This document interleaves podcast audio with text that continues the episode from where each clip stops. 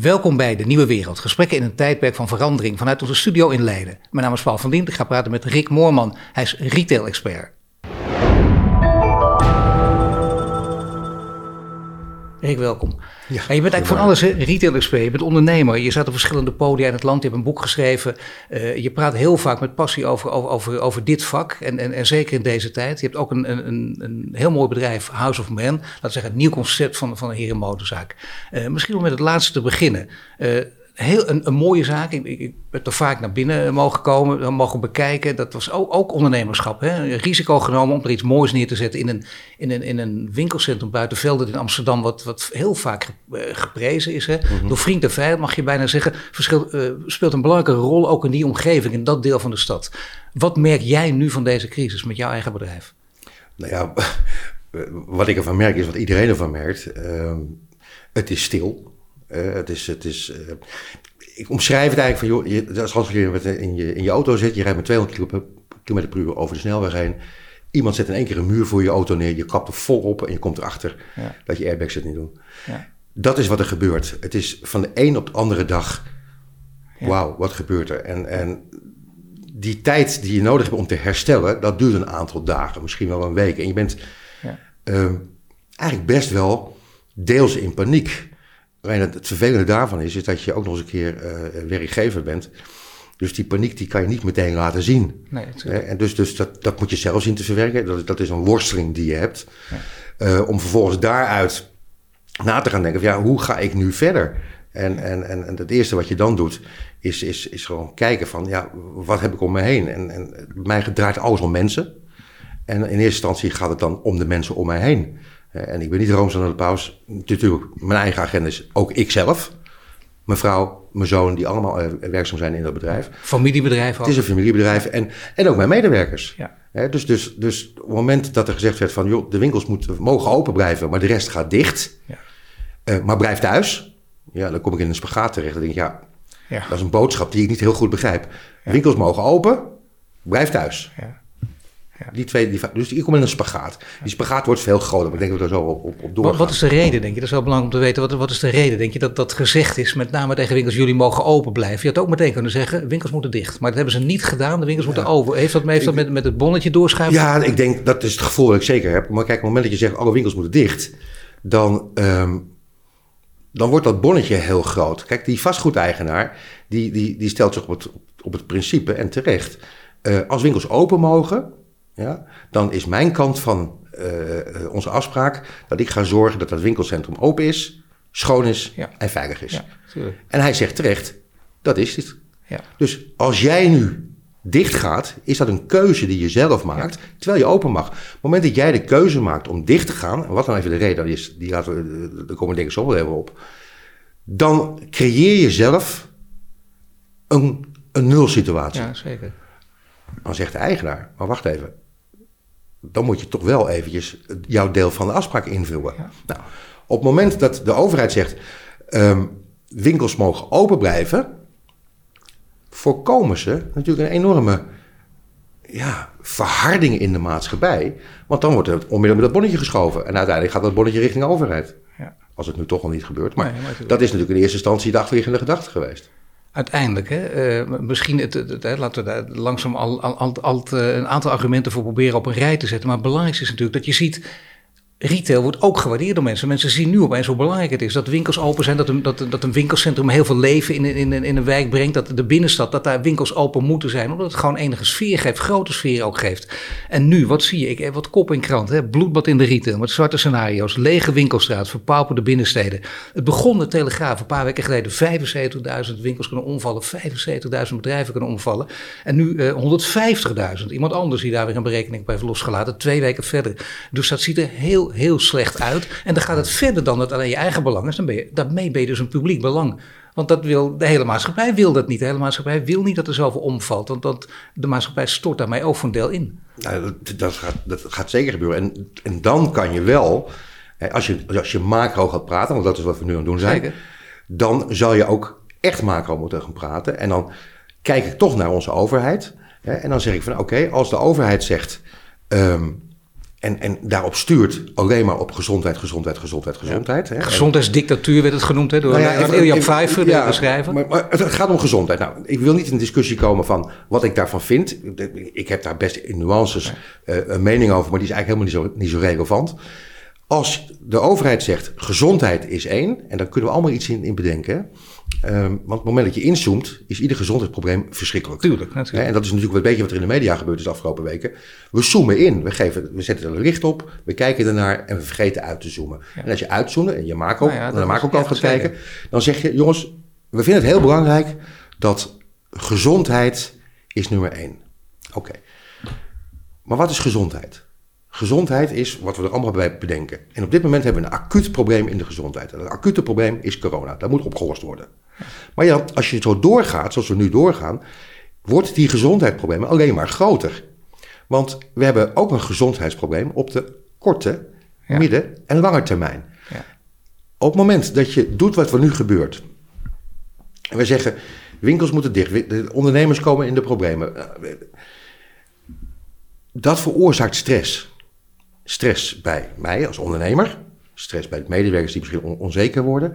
Dat ontstaat stress in de maatschappij. Want als je zegt van jongens, die winkels gaan omvallen, wat je zegt, die binnensteden die worden daardoor onleefbaar. Nou, je zal hier in deze prachtige straat wonen en alle winkels zijn weg. Ja, dan. Ja, plus waar blijven de toeristen? Ik bedoel, waarom zou je Dan word je dus ongelukkig. En als je ongelukkig wordt, dan kom je in een gezondheidsprobleem terecht. Die ondernemer die ervaart stress om allerlei dingen die niet goed lopen. Dan kan je over allerlei maatregelen praten die de regering toegezegd hebben. Dan komt er stress. Het vervelende is dat de maatregelen die ze genomen hebben ook nog eens een keer betekent, je kan geen sport beleven, eh, nog kijken, nog zelf doen. Dat betekent, als je stress opbouwt, slechte gezondheidsgraadmeter, dan kom je in frustratie terecht. En als je in frustratie terecht krijgt, hebben we normaal gesproken een vertieltje bedacht. Dat heet bijvoorbeeld sport. Ja. Zelf sporten of naar sport kijken. Als ik bij mijn favoriete club Sparta op de tribune ga zitten, dan zit ik de hele wedstrijd. Sparta, je favoriete ja, ja, ja. En dan zit ik de hele wedstrijd oh, te mopperen over wat ik op dat veld ziet. Daarmee ontlucht ik een stuk frustratie. De wedstrijd is afgelopen, hebben we weer niet gewonnen, zoals gebruikelijk. en dan kan ik dat allemaal handelen. Nu dat er allemaal niet meer is, en die frustratie opgebouwd wordt in extreme vormen zelfs, kan die frustratie twee kanten op. Hij kan naar binnen. Nou, dan word ik depressief. Als ik depressief word, is misschien uiteindelijk wel, misschien wel dat ik een burn-out krijg. En vanuit die burn-out misschien wel naar zelfmoordneigingen ga krijgen. Kortom, ik belast dan de gezondheidszorg. Ja. Die frustratie kan ook naar buiten toe.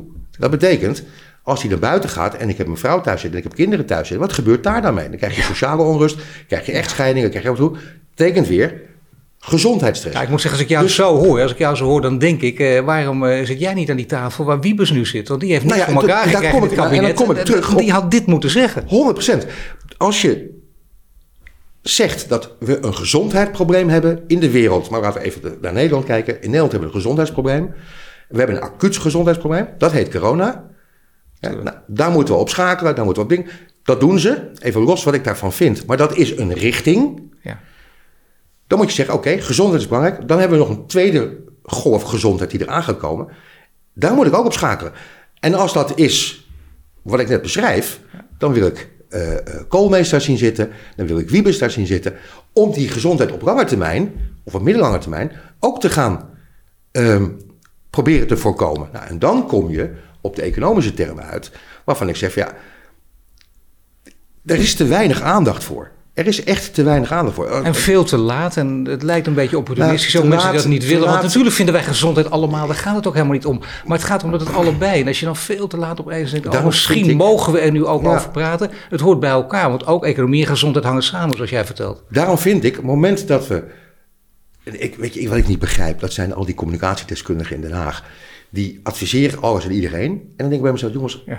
als ik met mijn simpele geest als winkelier dit kan bedenken, waarom wordt dat daar nou niet bedacht? Ja. We zijn allemaal gevoelig voor gezondheid.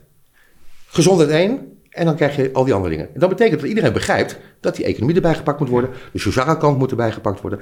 En dan krijg je een verhaal die draper is. Dat het te lang geduurd heeft, weet je, daar wil ik niet eens echt over mopperen. Um, er gebeurt nu iets, er is geen spoorboekje. er is geen spoorboekje. Dus, en achteraf kunnen we altijd gelijk hebben. Wat ik nu zie, als ik naar die persconferenties kijk en als ik naar de kranten lees en als ik naar die tafels kijk en ik hoor de deskundigen erover praten, dan denk ik, ze zijn allemaal bezig om straks vanuit die parlementaire enquête, als we terug gaan kijken, dan weet iedereen wat de waarheid is, dat ze zeggen van nou, in die parlementaire enquête wil ik niet de Zwarte Piet toegespeeld krijgen. Dus iedereen draait een beetje om de hete brei heen. Accepteer dat we niet weten wat we moeten doen. Er is geen spoorboekje. Maar is het wel zo dat, dat Rutte dat natuurlijk voortdurend zegt ook? Hè? Van, uh, op basis van 50% van wat we weten, maar neem ik een beslissing. Daar staat tegenover dat mensen heel verbaasd zijn dat de liberale premier het woord ondernemer gewoon niet in de mond neemt of niet durft te nemen. Begrijp jij dat? Wat, wat kan een reden zijn? Nou ja, de reden die kan hebben is dat hij zegt, jongens, ik ben met gezondheid bezig. Hè? Maar dan komt meteen de volgak. Breid dat gezondheidsverhaal uit. Als gezondheid het toverwoord is, dan moet je de midden- en korte en lange termijn gezondheidsproblemen, ja. die ik net schets, meenemen in je overwegingen. Dan hoef je het niet economie te noemen. Hè? Dan, dan is hij weg van, oh, het gaat alleen maar over geld. En mensen zijn alleen maar met zichzelf bezig. Wat natuurlijk toch gebeurt in deze maatschappij. Maar als je dat gaat zeggen, dan valt iedereen over je heen. Nou, dat wil je voorkomen. Noem het gezondheid. Mag ik nog een ander punt aansnijden? Uh, dat is uh, vaak aan deze tafel ook uh, discussies met Hans Bieshoven van ONL en Marlies Dekkers. Ja. Die onder leiding van Ad Verbrugge dan praten over ook dit onderwerp, dit hele belangrijke onderwerp op dit moment, ons, ons allemaal aangaat. En één citaat van, van Hans Bieshoven, die ook als branchevoorzitter ben je vaak wat voorzichtiger, maar die wordt steeds minder voorzichtig. Die zegt ook, ik zie heftig gedrag van de Bijenkorf, van IC Paris, andere grote concerns, onder druk van internationale eigenaren en aandeelhouders. Ik citeer hem even. Eenzijdig geen huur betalen, eenzijdig betaaltermijnen van leveranciers verlengen, wat jij een beetje net al aanstipte. Het kleine MKB heeft geen private bankers, geen strategische analisten. Ook geen, uh, bijvoorbeeld geen mogelijkheid om obligaties uit te geven. Dus dat is alles op een rij gezet. Uh, verschil dus tussen de giganten en het MKB, terwijl we het altijd over een level playing field hebben. Je zou zeggen, liberale uh, ministers, met name de premier, die zouden het ook al moeten weten. Is dit een heel belangrijk punt dat hier wordt aangesneden? Het is zeker wel een belangrijk punt. Omdat je je gewoon realiseert, er is geen level playing field. Is er niet, is er nooit geweest ook. Ik zit hier voor de retail, ik zit hier als, als, als, als, als winkeleigenaar, als, als ondernemer in uh, de retail. Ja. En natuurlijk stoor ik me wat er gebeurt. En wat je ziet, dat die grote partijen, dat zijn mensen die zitten naar Excel-sheetjes te kijken en die nemen daar hun beslissingen op. Ja. Dat is prima, alleen mijn business, de retail business, gaat over mensen. Ja, wij zijn de hele dag met mensen bezig. Als jij bij me binnenkomt, ben ik met jou bezig als mens. Jij komt binnen, dit is wat ik krijg, daar heb ik het mee te doen. Ja. Deze mensen zitten op afstand, kijken naar een Excel-sheet, maken een hele simpele berekening en zeggen dan, uh, uh, uh, een stoplicht rood, groen of oranje. En al die grote jongens, zijn we met één ding bezig, is hoe krijg ik mijn eigen bonus. Ja, maar ze zetten eenzijdig, zetten ze, zeggen ze gewoon de huur op. Hè? Er is een man in Dordrecht, een, een, ondernemer, die is opgestaan. Die zegt, wacht eens even, het is hier Paris, er zit een hele grote baas boven. Daar ben ik niet bang voor, ik ga hem gewoon kapot procederen. En dat is heel interessant, want dan krijg je toch, dan beginnen ze toch bang te worden. Want dat, moet, dat moet gemeld worden op aandeelhoudersvergaderingen, dat is niet prettig voor ze. En die man heeft daar dat spelletje weten te winnen. Ja. Het of dat dus wel. Die, ja, maar of dat de juiste manier is, is dan ook nog eens een keer de vraag het feit dat hij, dat hij gelijk heeft, jongens, het kan niet eenzijdig uh, stopgezet worden. Maar om nou meteen vol in de aanval te gaan en met rechters te gaan, gaan, gaan dreigen en te gaan uitvoeren, is natuurlijk ook niet de manier. Maar wat moet je dan doen tegen deze grote partij, die natuurlijk nou ja, een ongelooflijk machtige rol hebben? Die kunnen die enorm als je, als je zegt, ik ga, maar eens, ik ga deze keer maar eens niet betalen. En uiteindelijk het geld gewoon afschuiven, uiteindelijk inderdaad op de belastingbetaling. Exact. En dan kom je, dan kom je daaruit, dan moet het richting belastingbetaling. -hmm. En volgens mij hebben we daar een overheid voor. Ja. De, de, overheid moet zorgen dat die belastinggelden binnenkomen en die we vervolgens weer uit gaan geven op die punten waar wij met z'n allen belangrijk vinden. Op het moment dat dus een, een, een, een groep mensen, in dit geval de bedrijven die je net noemt, zeggen ja, maar daar heb ik geen boodschap aan, dan moet de overheid zeggen, wacht eens eventjes, dit gaan we even niet doen. Nu laat je toch de markt, hè, dus die ondernemer, die vastgoedondernemer, procederen tegen een heel groot bedrijf. Je gaat, en dat is, dat is wat het mij enorm stoort, de maatschappij wordt hier zo ongelooflijk grimmig van. Dit is nu in een groot verhaal, maar ook in kleinere momenten wordt het grimmig. Mensen worden grimmig, worden vervelend naar elkaar. Worden, het is ikke, ikke, ikke. Um, uh, en daar zou een rol moeten zijn in een spoorboekje wat niet bestaat. Toch zie je, toch zie je gek, daar heb je gelijk en wat je nu ziet. Dat, dat zie ik ook om me heen. Aan de andere kant zie je ook onverwachte coalities. Hè? Uh, bijvoorbeeld ondernemers die, die elkaar als keiharde concurrenten bevochten. En, en mm -hmm. dat, leidt ook vaak tot resultaten die nu denken, wacht even, we kunnen ook met elkaar gaan samenwerken op ja, bepaalde gebieden. Mensen wil je dat niet vermoeden in het verleden. Nee, maar dat zijn denk ik een mooie ontwikkelingen. Ja, maar goed, uh, zoals iedereen zegt, iedere crisis heeft ook iets goeds in zich. Ja. Um, maar het grappige is wat je nu zegt, dat zijn twee partijen die normaal gesproken tegenover elkaar staan. En nu zeggen, wacht even, we moeten gezamenlijk optrekken. Ja, maar nee. er zijn ook partijen die alleen maar verwijderd worden van elkaar. Ja.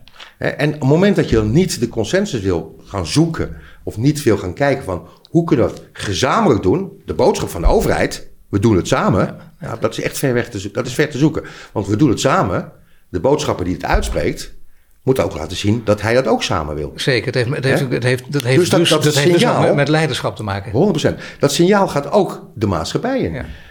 Dat twee ondernemers met elkaar gaan samenwerken omdat ze bijna een probleem hebben en als ze dat samen kunnen voegen, kunnen ze misschien een stapje naar voren maken, is een vrij logische. Maar de, de, de, de, de, de grimmigheid die ontstaat van partijen die steeds verder uit elkaar gaan komen, ja, ja die wordt groter. Want uiteindelijk het gaat om geld. Maar die grimmigheid, het gaat om geld. En, en dus uiteindelijk. Wie, gaat het nou ja, maar, maar, de combinatie geld-gezondheid speelt hier toch een, eh, een, hele grote rol. Daar hebben we het steeds over. En, en ook inderdaad niet alleen maar je eigen belang, maar ook het publieke belang. Hè. Dat hebben we ook vastgesteld. Dat zou de overheid ook mogen zien. Dat heb je als winkelier. Je bent meer, meer dan alleen maar een eigen belang. Of alleen maar je eigen uh, handel verkopen. Nee, je speelt een grote rol binnen die maatschappij. Dat zou ook mee mogen spelen. Dan weet je wat ik ook een punt vind? Kijk, we hadden net over leiding geven. Klaas Knot. Die, nou ja, goed, maar hè, president van de Nederlandse Bank. Kijk naar zijn cv dan zie je heel veel eh, bij de bank altijd gedaan. Heel klein uitstapje even naar het ministerie, maar altijd in die wereld gezeten. Weinig empathie tonen, het verdomd weinig empathie tonen. Het begint opeens over buffers, best gek eigenlijk als je bij een bank hebt gewerkt en andere crisis hebt meegemaakt. En die zegt dan, ja, maar dan moet je maar genoeg buffers hebben, want eh, kijk, ja. als we omvallen. Ik, ik, ga reageren uiteraard. Uh, het hele verhaal rond meneer Knot poets ik even weg, want ik was in de krant geweest. Het was een enigszins verwarde man. Ja. Ik bedoel, wat deze man laat zien, is eigenlijk wat die hele bankensector aan het doen is. Jij noemt het geen empathie, nee, duidelijk. Het zijn ook eens keer mensen die gewoon hun salaris krijgen. Dus aan het einde van de maand heeft hij niet de pijn die ondernemers voelen. En wat er gebeurde aan die praattafel vorige week was natuurlijk hemelschrijdend. Hemelschrijdend op meerdere vlakken. Niet alleen de uitspraak van meneer Klaas Knot was verschrikkelijk. Maar ik vond ook meneer Hans de Boer een rare reactie hebben. Als ik heel eerlijk ben. En dat is dat tot de voorvechter. Ja. Je schijnt als voorzitter van VNO-NCW. Ja, kijk, wat daar gebeurt... voor de mensen die nu naar jou kijken en, en, en, en niet weten wat er gebeurd is... Daar zit een horecaondernemer en de vraag die op tafel ligt... is hoe gaat een horecaondernemer om met die anderhalve meter economie? Dat is de vraag. Deze jongeman legt uit met 16 winkels in Amsterdam... Hoe hij dat doet, dat doet hij beschaafd, doet hij op een nette manier, doet hij zonder emotie. Ofwel misschien een lichte emotie, maar in een taal die iedereen kon begrijpen. Vervolgens zegt de presentatrice, God meneer Knot, die daar ook aan tafel zat, wat vindt u zo van verhaal? En dan zegt hij met droge ogen, zegt hij, ja, dat is wel heel vervelend. Dat zou dus al betekenen dat er 50% van de horecaondernemers ja. failliet gaan. Maar ja, dan ben je in de basis al niet gezond. Ja. Ja, dat is, ja. Misschien moet je je failliet laten verklaren en laten omschouwen. Dan denk ik bij mezelf, wat zeg jij nu? De discussie is, hoe ga ik om met anderhalve meter? Als deze man 100 tafels in zijn bedrijf heeft en als hij anderhalve meter moet toepassen, 30 tafels overhoudt, plus het feit dat hij niet iedereen zijn keuken kan hebben omdat die keuken te klein is. Dus uiteindelijk, er was dus een discussie, jongens, met 30 tafels kan ik mijn businessmodel niet rondrekenen, want ik heb mijn huur, ik heb mijn personeel, ik heb et cetera, et cetera, et cetera. Dat is de discussie. Hoe durf je dan te zeggen? Ja. Dan ben je in de basis niet gezond als je die anderhalve meter regel niet kan. 70% omzetverlies. Dan ben je in de basis niet gezond. Dan denk ik, meneer Knot, of u luistert niet. Ja. Of u denkt bij uzelf, ja, het zal mij allemaal gebakken zijn. En aan het eind van de maand krijg ik mijn geld toch wel. Of, nou ja, misschien is het wel handig, want als al die ondernemers naar die banken hollen. om die overbruggingskredieten te halen, die we toch, die we toch niet krijgen. dan schuift dat probleem, die hobbel, een stuk naar achteren toe. Hij denkt, ik kan beter nu de pijp Ja, pakken. wat mij opvalt, Maar dan moet hij dat zeggen. Zijn, zijn dit soort mensen die altijd roepen: ja, maar kijk eens even, eh, de, de maatschappij wordt opgeroepen tot, eh, tot grimmigheid, eh, tot hoor hele gevaarlijke dingen op social media. Dat zeggen de mannen à la knot. Ja. Terwijl wat hij zegt is heel gevaarlijk. Snap niet, snap niet wat voor woede hij mee ontketent. En dan ook op die wat achterloze wereldvreemde manier. Dat, dat is echt voorbij. Nou, voorbij. zeg ik een enigszins verwarde man. Op het moment, en dat was het, volgende. Kijk, die ondernemer, die horecaondernemer, dat kon je gewoon in zo aan. Die zag in één keer water branden. Ja. Jongens sloegen ook één keer stil. Ja. Jongens, verbaal ongelooflijk sterk Ja. tot dat moment. ja, Hans de Boer, die ik verbaal heel sterk acht, ja. die zie je in hetzelfde shot proffen. Het stoom kwam uit zijn oren. Je ziet hem ademhalen om daar fel op te reageren. En tegelijkertijd zie je een kwartje die valt. Ja. En hij denkt, denk potverdorie, parlementaire enquête ik moet volgende week moet ik ook nog met meneer Knot op de tafel zitten. Ja. Dus ik hou me in. Ja. Dan denk ik, potverdorie. Ja. Had hem over die tafel getrokken. Op met presentator zet hem onder druk. Dat mag ook. Maar in ieder geval, geef hem het woord. Geef hem het woord in ieder geval. kijk, die presentatoren, daar, daar, daar, ja, daar heb ik niet zo'n hoge pet van op. Die hadden in moeten grijpen. Weet je, die, die, die zitten niet in de discussie aan tafel. Die zitten met papiertjes en lezen alleen hun eigen vragen voor. Je moet luisteren wat er aan die tafel gebeurt en daar moet je op schakelen. Maar goed, wat daar gebeurde, en ik vertaal het als volgt. Misschien is het een zegen. Ja. Misschien een zegen. Waarom? Op het moment dat de overheid tegen mij zegt: je kan een overbruggingskrediet hebben. Ja. Je kan met staatsgarantie, zelfs 90, van 90% makkelijk aan een krediet komen. De banken roepen, we gaan je helpen. Nou, vervolgens bel je die bank op. Dan gaan er allerlei drempels op gegooid worden. Mag ik de jaarcijfers van eh 2019 even zien? Nou meneer, die zijn nog niet klaar. Ehm, Ja. ja. maar die heb ik wel nodig. Oké. Eh, en wilt u dan, als u ze heeft, dan ook meteen even een liquiditeitsbegroting maken. Vanaf het moment dat u weer voorop een running bent. En een verwachtingsbegroting Ja. begrijp ik hieruit de jullie de einddatum van, van de, de, de, de, corona-vakantie dan maar is. Hè? Want Ja. zo Nee, maar- brengen ze dat aan je. Om vervolgens tegen je te zeggen, ja, maar we gaan het wel nemen in een normale eh, kredietprocedure. Ja. Vervolgens moet je dus 10% is het risico wat ze lopen, de rest doet de staat. En over die 10% moet je als ondernemer ook nog eens een keer persoonlijk borg gaan staan. En over het totaal krijg je een rente die ligt tussen de 7,9 en de 12,9%. En dan meneer Knot die zo'n opmerking maakt. Misschien moet ondernemer, ondernemer Reynold blij zijn dat dit gebeurt. Want op het moment dat jij dat krediet neemt, dan moet je dat krediet op een moment ook versneld aflossen. Dat betekent, ik los een probleem op korte termijn op, maar ik schuif dat door naar drie, vier, vijf, zes maanden. Dus ik weet nu al dat ik daar een probleem ga krijgen. Maar dat probleem is niet het enige probleem. Ik heb nog een probleem. Ik heb de BTW kunnen uitstellen. Ik heb de loonbelasting kunnen uitstellen. Dat schuift allemaal maar door. Mijn huren worden eh, deels uitgesteld. Dat schuift allemaal maar door. Dat betekent, ik kan nu wel overeind blijven. Maar over drie, vier, vijf maanden ligt er een berg schuld. Nee, maar dat is heel erg en dat is vooral erg. En ik denk dat heel veel ondernemers die dit zien, dit herkennen. Omdat je zegt het zelf ook regelmatig in al je radio- en tv-optredens natuurlijk altijd ook. Hè, van, je moet vooruit kunnen kijken. Dat is essentieel voor een ondernemer. Je moet gewoon dat? plannen kunnen maken. Wat betekent dat? Nou, precies. Wat betekent dat? Kijk, het is hartstikke moeilijk op dit moment. Maar ondernemers, allemaal, zijn creatief en zijn ongelooflijk flexibel. Dat betekent, er is nu een probleem. Ik ga schakelen aan de hand van dat probleem. En dat kan ik alleen maar doen als ik weet dat ik straks eruit kan komen. Dus ik heb dus die stip op de horizon heb ik nodig. Het vervelende wat er nu gaande is, ik schakel. Ik doe alles wat in mijn macht ligt om dat goed te doen. Voor mijn medewerkers, voor dit, wat. Ze krijgen een salaris, et cetera, et cetera, et cetera. Maar ik weet nu al dat ik over een aantal maanden een gigantisch probleem ga krijgen. Want dan komen al die bonnetjes liggen en op betaal. Die moeten ook betaald worden. Maar weet je, misschien En dat om- betekent om- dat het nu nog voor mij lastig is om, om, omdat ik geen stip heb, ik weet niet hoe ik dat moet oplossen, dat het heel lastig wordt om Ja. verder te schakelen. Nou, het is Dan? misschien goed om te zeggen dat, dat, dat jij dit zegt. Hè? Kijk, dat, dat- je, je, bent geen, eh, je bent niet een gemiddelde ondernemer. Je hebt een, een prachtige, mooie, eh, bloeiende zaak. Eh, kijk, kijk, iemand als Wom Jip, ook een grote ondernemer. Ja. Die zei deze week ook in een interview, vond ik ook verbazingwekkend. Die zei op de vraag, kun jij omvallen? Ja, ik zou ook om kunnen vallen. Maar als ik omval, dan valt 90% om. Kun je nagaan, dan is er toch echt iets heel heel duidelijk serieus, groots aan de hand. Iedereen kan omvallen. Ja, dus er is heel groots eh, aan de hand. We hebben altijd geroepen, de VND kan niet omvallen. Even los wat de redenen zijn. Ja. VND valt om. Ja. Eh, zo zijn, iedereen kan omvallen. Daar, daar, daar duidelijk over zijn. Dus als ik als ondernemer geen stip zie, dan wordt het lastig. Omdat ik geen stip zie, wordt het lastig. bouw ik de stress op. De stress is frustratie, frustratie kan er binnen of naar buiten. Kortom, ik ga ziek worden. Ja.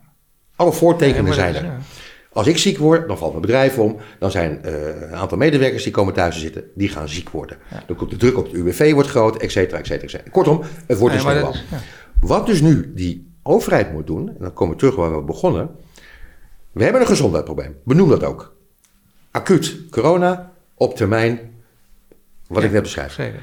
Dan moet je zeggen, laten we nou die ondernemer eens een stip geven en zeg het alleen maar dat je eraan werkt. Ja. En dan hoeft het niet morgen klaar te zijn, want dat snap ik ook wel. En dat snapt iedere ondernemer. Maar ga zeggen, bijvoorbeeld, we hebben allemaal BTW uitgesteld. We hebben loonbelasting uitgesteld. Banken doen niks. Passeer die banken, laat die banken lekker gaan.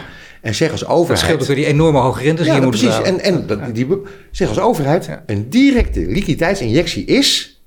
laten we die uitgestelde of die doorgeschoven BTW en loonbelasting niet gaan innen. Dat is geen cash-out.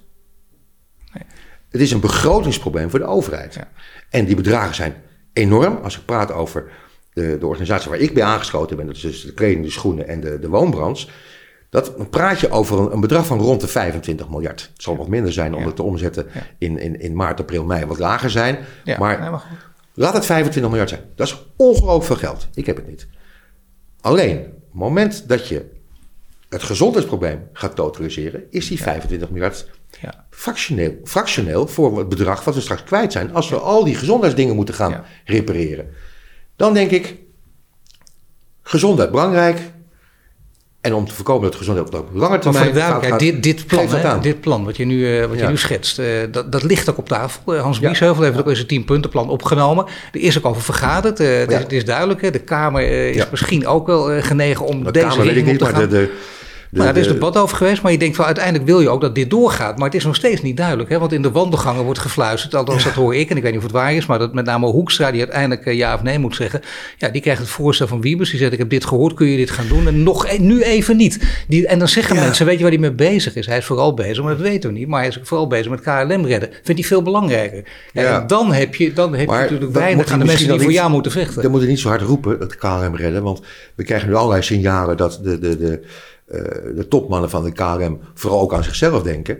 Eh, En dat is geen goed signaal, kan ik je vertellen. nee. Ja, ik vind prima dat KLM gered wordt. Graag zelfs. Eh, maar die signalen die erbij komen, is niet handig. Hetzelfde als die Zeker. grote winkelketens die in één keer zeggen, we gaan geen huur betalen. Dat zijn geen signalen die goed zijn. Als je gewoon kijkt naar mijn branche.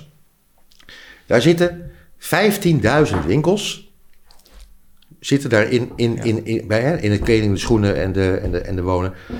We hebben, wat is het, 60.000 medewerkers. Als wij onderdeel zijn van het MKB, zijn het 800.000 banen waar je over praat. In het totaal. Nee, maar we vonden het eh, twaalf jaar geleden een andere situatie. Maar de banken redden vonden we, nee, dat begrijpen we wel. Maar nu, Ja. eh, nu laten we zeggen, MKB redden. Dat is toch gek dat we dat niet ook met z'n allen omarmen dan? Dat is zeker gek, maar ik ga toch weer terug naar dat gezondheidsverhaal. En dan kom ik op de ministers Koolmees en Wiebes. Ik zie ze niet, ik hoor ze niet. En als ik ze zie en als ik ze hoor, laten ze zien dat ze weinig empathie hebben voor wat er daadwerkelijk Ja, speelt. van Koolmees zou ik wel kunnen zeggen, hij heeft wel één ding gedaan, namelijk een heel snel in no time Heeft hij goed gedaan. neer. Ja, dat heeft hij goed gedaan. Dat is, dat Dat heeft hij goed gedaan. iets. Ja. Geweldig. En sterker nog, eh, ik mopper heel erg veel eh, over de ambtenaren. Ja. Eh, maar op dat, op dat punt, Ja. op dit specifieke punt, Ja. Hebben ze snel geschakeld. Ja. Tegelijkertijd kan je bij een aantal andere dingen wel je vraagtekens Oftewel, zetten. ze kunnen het wel als het moet. Dat zou je kunnen Nou ja, zeggen. als het moet. Maar Ja. dan vraag ik me dus af, waar ligt dan de prioriteit? Ja. Maar waar is meneer Wiebes? Ik hoor meer van onze staatssecretaris, gewoon Mona Keizer. Ja. Hè, want het, nogmaals, het is dat je sommige dingen niet direct kan regelen, snap ik. Maar als je in het begin zegt, winkels mogen open, blijf thuis. Ja. Dan zou juist nu vanuit die hoek, staatssecretaris en de minister van Economische Zaken moeten zeggen, wacht even jongens, de winkels zijn open. Zeker. Sterker nog, Ja. sterker nog, die winkelier heeft er ba- baat bij dat mijn consument veilig kan winkelen. En als veilig betekent binnen anderhalve meter protocollen, et cetera, et cetera, et cetera, et cetera. Prima. Gel, handjes wassen, noem maar op. goed. eh, opletten dat ze elkaar niet aanraken, weet ik wat. Gaan we doen. Alleen broeken afspelen lijkt me lastig. Hoe gaat dat? Eh, nou, dat is heel grappig. wat wij zien, uh, je, zou, je hebt het over broekspel, je kan ook zeggen het opmeten van een pak. Bijvoorbeeld. Het, het grappige is, wij hebben een paspop in de, in de, in de, in de winkel staan. En uh, veel van die mensen die bij ons komen, komen met hun partner. Hoe leuk is het dan, want ik ga het gewoon leuk maken, dat ik jou een stuk onderricht ga geven. Dus jij komt een, een jasje passen, ik moet het opmeten, maar jouw vrouw is erbij. Nou, in de, in, de, in, de, in, de, in de bodem is jouw vrouw sowieso leuker dan jij. Dus hoe leuk is het om haar gaat betrekken in die verkoop? Ja. Dan zeg, ga ik haar trainen om jouw maten te meten. Dus ik heb een paspop staan. Ik leg er een. Ik zeg, doe dit, doe dat. Ik sta op afstand en ik geef aanwijzingen. Zij leest de waardes af, ik noteer ze en vraag... Moet je kijken hoe... Nou, dat in vind ik heel creatief. Ja, ja, maar het is ook nog leuk. Behalve dat ik het misschien niet leuk vind. Maar dat is een ander verhaal. Dat doet er niet toe. Als mijn vrouw het maar leuk vindt, dan gaat het om. Hè? nou, dat nou is toch belangrijk. Dat ja, maar dan komt op een ervaring mee de loop jaar. 100% maar dan, komt, dan komen we op een andere discussie wat het retail betreft. Kijk, wij mannen, we doen wel heel stoer. Maar we hebben keihard onze partner nodig bij de kleding aankopen. En, en, en als je daar... maar goed, nou, een andere nou, discussie. Dan gaan we een andere discussie. En, en, uh, Nee, wat, wat, belangrijk is dat je hiermee aangeeft. Kijk, je, dat, dat, doe jij dan. Andere ondernemers zou proberen er zo creatief mogelijk naar te kijken. Het is allemaal mogelijk. Maar geef wel aan van de overheid, als je open gaat, dat het goed is. Zeg het nu, gewoon. Jij bent steeds open gebleven. Omdat je denkt, ik, ik probeer gewoon door te werken. Het mag ook. Maar dan kijken sommige mensen ook weer, weer boos naar. Die zeggen, ja, ja, ja, maar ik, ben jij open? Ja, nou, ja, maar ik, mijn eerste standpunt was, dan gaan we terug naar het begin van het gesprek. Toen je zei van, hoe is het gegaan? Ik heb gezegd, die auto, boem. Dan ga je eerst, ik moet zelf bijkomen. Vervolgens ga je nadenken, wat kan ik doen? Wat kan ik nu doen? Ja. Regel 1. In alles wat ik op dat moment wist. Als ik dicht ga, ja. heb ik 100% omzetverlies. Dat is, ja, is mijn omzet nul. Als ik open ga, of open blijf, dan is mijn omzet waarschijnlijk ook nul. Maar heb ik een kans. En ik ben ooit ondernemer geworden omdat ik een kans zag. Ja. En ik zie hier een kans. Al is het maar één krant per dag, al is het maar één paar sokken van 9,95. Ja. Dat is een kans. Ja. Dat is het basisprincipe. Ik ben open, want ik heb een kans. Vervolgens ehm, zie je dat de communicatie van, van uit alle kanten... Uh, in één keer die ondernemer, die retailer, die winkelier... behalve de supermarkt, want zo krom zijn mensen dan... dat snappen we... Maar deze winkelier, die open is omdat hij daar een kans toe wil. En ik wil zorgen dat mijn medewerkers hun salaris krijgen. Ook al heb ik een steun uh, dingen. Maar dat ze ook nog eens een keer um, uh, zo ingeroosterd worden. Dat die mannen die bij mij werken met kleine kinderen. Twee tot tweeënhalf, drie dagen per week de kans krijgen om bij hun vrouw te zijn. Want hun vrouw zit thuis met die kinderen die na 2,5 uur draken worden. En die vrouw raakt daar gefrustreerd van. Ik heb je net verteld wat frustratie kan betekenen. Die man die bij mij werkt, als de omzet nihil is, dan wordt hij ook niet erg vrolijk van. Want hij is gekomen om mensen te begeleiden. Nou, dat gebeurt dan niet. Dus die komt thuis, heeft een zagrijnig kop. Die vrouw die denkt, hé, gelukkig, mijn man is thuis. Dus die loost ook al die ellende. Het is een cocktail van huwelijksproblemen. Ja, dus ik heb gezegd, daar moet ik aan denken. Dus ik heb zo geschakeld dat mijn medewerkers met kinderen drie dagen achter elkaar hun vrouw kunnen ondersteunen. En ik heb gezegd, dat moet je ook doen. Nou. Maar toch, je bent open en jij bent iemand in, in sommige ogen die dan uh, ja, de, maatschappij in nou, gevaar brengt ongeveer. Ja, nou, dat is me letterlijk gezegd. Het is mij letterlijk gezegd, goh meneer, bent u open? Ik in mijn enthousiasme nog. Ja, ik ben open. Komt u binnen, krijgt u een kopje koffie. We houden ons aan de regels van het RIVM. We doen dit, we doen dat. Maar meneer, dan bent u, doet u mee aan het verspreiden van het coronavirus. U bent misschien wel erg asociaal. En dan zeg ik het heel netjes. Want dat gaat in hele korte bewoordingen. Ja, ja. Daar was ik zo van slag af. Ja. Terwijl ik denk, wacht even, mevrouw. Waarom zegt u dit? Ah, wat doet u zelf in het winkelcentrum? Als u dat vindt. U gaat naar de supermarkt. Is dat dan wel nodig? Dat kan dan wel. U vindt mij asociaal. Ik ben niet asociaal. Ik probeer juist voor mijn medewerkers alles te doen. Zodat ik kan blijven leven en leveren. Zodat zij hun leven door kunnen zetten. Daar was ik echt van slag af. Daar was ik echt van slag af. Dat, dat slag af zijn, dat, dat heeft een paar dagen geduurd. En toen dacht ik, ja, maar dit kan niet waar zijn. Ja. Dit kan niet waar zijn. Nou, dus ik heb die mevrouw uh, in mijn hoofd geschaald onder categorie verwarde mensen. Dus ik ga door. Hè? En nu zie je, en we zijn wat verder in tijd, dat, nee, maar dat- het is, het, is, het is een microverhaal. Maar ik hoop echt dat, dat, dat, eh, mensen van de... Ze kijken allemaal. En Mona Keizer ziet dit. Mona, hoor dit verhaal. Snap even dat de overheid dat ook moet begrijpen. Dat je een beetje Ja. laat merken dat je in de maatschappij staat. Begrijpen wat er aan de hand is. Weer het woord empathie. Dus in de gaten wat er, wat er speelt. Wat die woorden met je kunnen doen. Ja, maar het, is- precies. Want kijk, dit is inderdaad een microverhaal. Ja. Het grappige is, of er is, er is helemaal niks, er is niks grappigs in deze, in, deze, in deze tijden. Maar wat er gebeurt, is dat we allemaal micro aan het kijken zijn. Ja. Dat komt door Facebook, dat komt door, door alle social media, ook door de media. Ik bedoel, je kan de televisie aanzetten of je ziet microverhalen. Ja. En op het moment dat je dat inzoomt, is alles erg. Ja. Als mijn moeder van 93, die nog leeft, morgen komt te overlijden, dan beloof ik je één ding, dan ben ik verdrietig. Ja. Maar ja, dan zoomen we uit. Ja, ze is 93. En, en, en ze heeft al aangegeven, ja, één ding, jongen, mij ga je niet op de IC leggen. Denk er goed om. Denk er goed om. Ja. Hè? Nou, Dan wordt het één keer een macro. En ik ga niet Nee. zeggen dat je dat moet bagatelliseren, helemaal niet. Ja. Maar pak het onder het kopje gezondheid. Ja. Gezondheid acuut, corona, oplossen.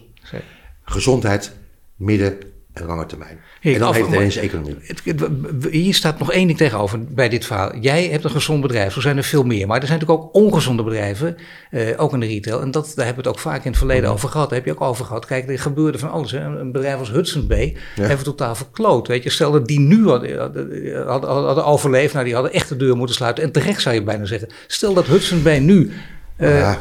Nee, stel dat Bay nu eh, ook, ook eh, in, in, de- in het steunpakket had gevallen. Dan had je toch hadden nou, ze- dat gek. Hadden ze gekregen, maar dat is toch raar. Ja, dat is raar. Alleen de, iemand anders boeken is, is, is du- duizend te lezen. Ja, je kon zien dat het daar niet goed gaat. Maar ook hier gel- geldt weer, daar zit een enorm bedrijf achter. Ja, die op een of andere manier zegt, Ja. jongens, we gaan hier trekken de stekker eruit. Ja, als zijn vaak de grote eh, investeerders, private equity, die gewoon aan cash denken. Ja, maar die- Alleen aan dat cash zijn- denken. Dat zijn Excel-sheet kijkers. Ja. En die kijken van jongens, dat is Ja. stekker eruit. Ongeacht wat er werkt, ongeacht wat niet, niet belangrijk. In deze tijden, dat de overheid in één keer steunmaatregelen doet, zeggen die bedrijven, als er Hudson Bay nog had bestaan, hey, wacht even, het is makkelijk, dan kunnen we de boeren een beetje oprekken, eh, we gaan ons verlies beperken, et cetera, et cetera. Dat zal gebeuren. Uiteindelijk denk ik dat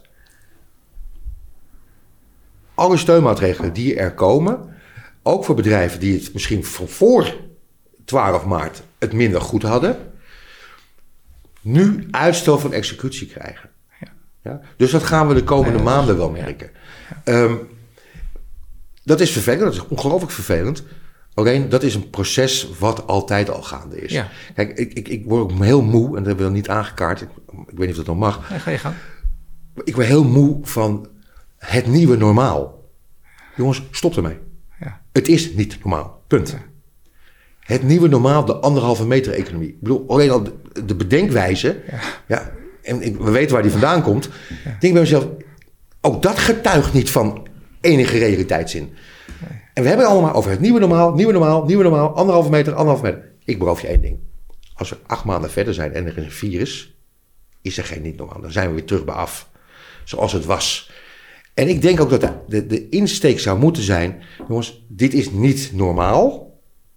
Dus ga dat nou niet bestempelen als het nieuwe normaal. Nee, maar, maar, maar probeer wel lessen te trekken uit wat er nu gebeurt. Want mensen hebben nu wel 100%. meer tijd voor reflectie, denken na. Dus je kunt wel Ja. denken over hoe, moet een stad eruit zien? Eh, hoe kun je eigenlijk het beste gewoon, als je, als je een retailer bent, hoe kun je eigenlijk uitblinken? Hoe kun je goed zijn? Daar heb je wel tijd voor. En dan kun je 100 wel- procent.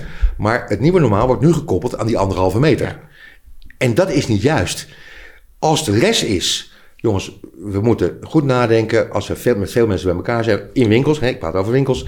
Misschien moeten we zorgen dat ik als ondernemer er altijd handgel staat. En niet alleen nu. Ja. Eh, dat ehm, eh, mijn medewerkers ten alle tijden zorgen dat als ze verkouden zijn, er niet zijn. Dan moet ik ermee omgaan. Dan, Ja. eh, de, de mondkapjes, wat je ervan vindt, vind je ervan, is wel een signaal wat Ja. zou kunnen helpen. Als dat Ja. betekent dat we dat. Maar anderhalve meter is niet normaal. Nee. Het is een maatregel. En die kan misschien nog wel heel lang duren, maar het is niet het nieuwe normaal. Nee. Het, nie- het nieuwe normaal bestaat daar niet in. Nee. Op, op basis van die anderhalve meter. Wel over hoe we de toekomst gaan inrichten. Hoe zou, hoe zou jij willen? Want je hebt er heel vaak over nagedacht, ook voor corona natuurlijk. Hè? Ja. En, en een, beetje, als, als- als- tot slot zou ik bijna zeggen, als een soort ideale schets van, van hoe gewoon het, het retail, eh, eh, laten we zeggen, la- landschap eruit zou moeten zien.